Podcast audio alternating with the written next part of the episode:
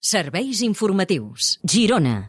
Recordareu que ahir us explicàvem que el TCJ ha avalat un toc de queda per dues setmanes més a 176 municipis. Un d'aquests municipis on no hi ha toc de queda, un dels que no tindrà toc de queda, és Palafrugell i Palafrugell demanava, si us plau, que se'ls inclogués i se'ls hi decretés toc de queda per no convertir-se en el parc nocturn de tota la Costa Brava. Doncs bé, com que no han entrat a la llista i com que es mantenen sense toc de queda, l'Ajuntament de Palafrugell ha decidit tancar les platges en horari nocturn per evitar aglomeracions de persones després de quedar exclòs d'aquest decret de, del Procicat. L'incompliment de la norma pot comportar sancions de fins a 900 euros. Girona, Albert Raquena, bon dia.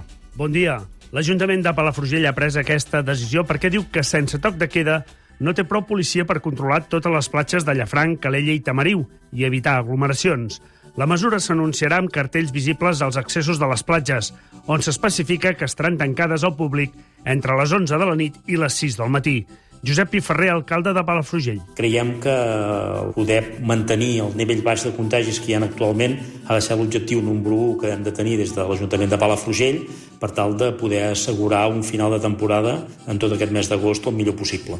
Es vol evitar així l'efecte crida d'altres poblacions que estan amb toc de queda, Segons l'ordenança de civisme de Palafrugell, l'incompliment d'aquesta mesura pot comportar sancions que poden arribar als 900 euros. D'altra banda, encara vinculat amb les restriccions per la Covid, l'Ajuntament de Roses ha anunciat que suspèn el castell de focs artificials previst pel 15 d'agost a la platja de la Punta, perquè no pot garantir que no hi hagi aglomeracions.